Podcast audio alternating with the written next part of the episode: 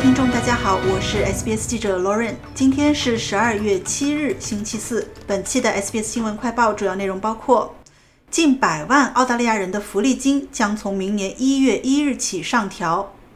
国家残障保险计划 NDIS 独立审查报告发布，建议政府进行改革；维珍航空空乘人员计划在圣诞期间进行罢工。社会服务部十二月五日表示，随着最新福利金指数化的调整，超过九十三点六万澳大利亚人的福利金将增加百分之六。从明年一月一日起，根据个人情况的不同，青年津贴每两周将增加最少二十二点四澳元，最多四十五点六澳元；助学金每两周最少增加三十六点二澳元，最多四十五点六澳元。二十一岁以下人士的残障援助福利金将每两周最少增加三十一点一澳元，最多四十四点九澳元。除此之外，超过六十万名照顾者将获得额外的财务支持，照顾者津贴将每两周增加至一百五十三点五澳元。据悉，联邦政府上一次提高社会福利金是在九月份。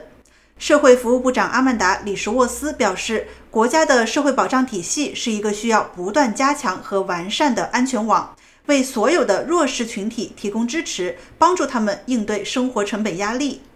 他在本周二的一份声明当中说：“通过定期的指数调整，我们的福利金会根据生活成本的变化进行调整，以保持弱势群体的购买力。”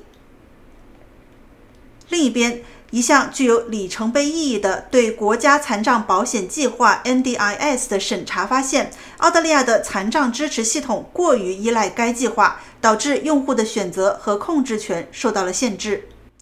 这份本周四发布的独立报告是由联邦政府委托进行的，旨在审查 NDIS 计划的持续有效性，因为其成本正以不可持续的速率激增，每年增长百分之十四。报告发现，政府已经过于依赖 NDIS 作为支持残障人士的主要或唯一来源，并建议建立基础支持，可供澳大利亚所有的残障人士使用，而无论他们是否在 NDIS 上注册。其中一些支持将通过学校和托儿中心提供，他们的成本将由国家和地方政府共同分担，各占百分之五十。各州和领地还同意增加对 NDIS 的贡献。政府旨在将该计划的成本增长限制在百分之八。总理阿尔巴尼斯在昨天的全国内阁会议上表示，随着需求和成本的上升，NDIS 给政府预算带来了压力，需要进行改革，以确保其能够继续支持残障人士。National Cabinet agreed to work together. 全国内阁同意共同努力对 NDIS 进行立法和其他修改，以改善参与者的体验，并恢复该计划的初衷，即通过更广泛的支持生态系统，为永久性和严重残障人士提供支持。另一边，澳大利亚维珍航空约两千名机舱乘务员计划在繁忙的节庆假期期间举行罢工，假期旅客出行或将受到影响。机舱乘务员通过投票决定，如果公司不同意加薪和改善工作条件，他们将采取罢工行动。这被视为绝对的最后手段。参加投票的乘务员为澳大利亚空乘协会和运输工人工会成员，占空服人员总数的百分之九十八。他们计划在假期期间分别进行十五分钟、三十分钟和二十四小时的罢工。澳大利亚航空业一直面临人员短缺问题，导致空乘人员工作时间过长，关键领域工作人员也不足。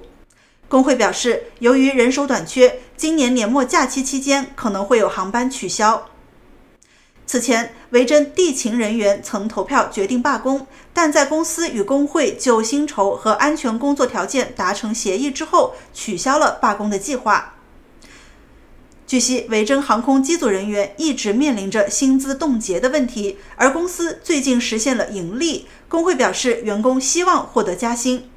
工会要求今年加薪百分之十，之后每年加薪百分之三点五。